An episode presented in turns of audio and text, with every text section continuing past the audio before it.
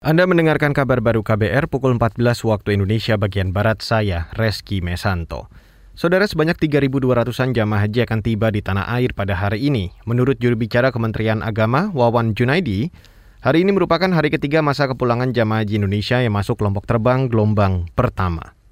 Hari ini akan dipulangkan 8 kloter menuju 5 debarkasi, yaitu JKG, Jakarta Garuda Pondok Gede, JKS Jakarta Saudia Bekasi, SOC Solo, PDG Padang, dan SUB Surabaya yang berjumlah 3.251 orang. Juru bicara Kementerian Agama Wawan Junaidi menambahkan jamaah haji reguler gelombang 1 yang sudah tiba di tanah air berjumlah 8.300-an orang. Sedangkan jumlah jamaah haji khusus yang sudah tiba di tanah air 1.500-an orang. Beralih ke berita selanjutnya, Saudara. Lima sekolah di kota Bandung, Jawa Barat yang sempat kekurangan murid saat penerimaan peserta didik baru atau PPDB kini akhirnya telah teratasi. Kepala Dinas Pendidikan Kota Bandung, Hikmat Ginanjar, mengklaim tidak ada lagi sekolah yang kekurangan murid.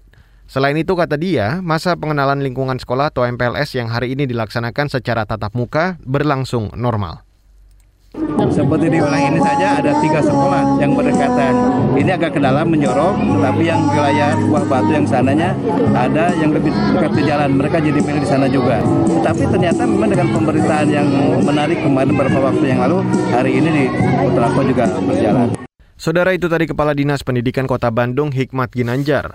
Pekan lalu ramai diberitakan sejumlah sekolah di Kota Bandung kekurangan murid. Misalnya di SD Negeri 206 Putrako Indah, Turanga, Kecamatan Lengkong, di sekolah itu hingga masa PPDB Kota Bandung selesai hanya menerima tiga murid saja. Padahal kuota sekolah ini adalah 56 murid. Saudara sidang kasus pencabulan santriwati Pondok Pesantren Sidi Kiyah, Jombang, Jawa Timur dengan terdakwa Muhammad Subi Azal Sani alias Beci mulai digelar hari ini.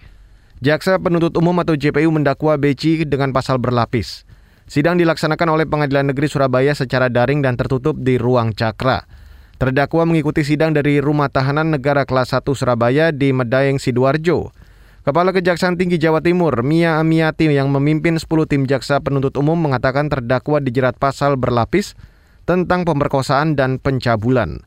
Penasihat hukum Beci Gede Pasek Suardika mempertanyakan mengapa sidang dilaksanakan secara daring. Selain itu, ia menilai dakwaan jaksa sumir.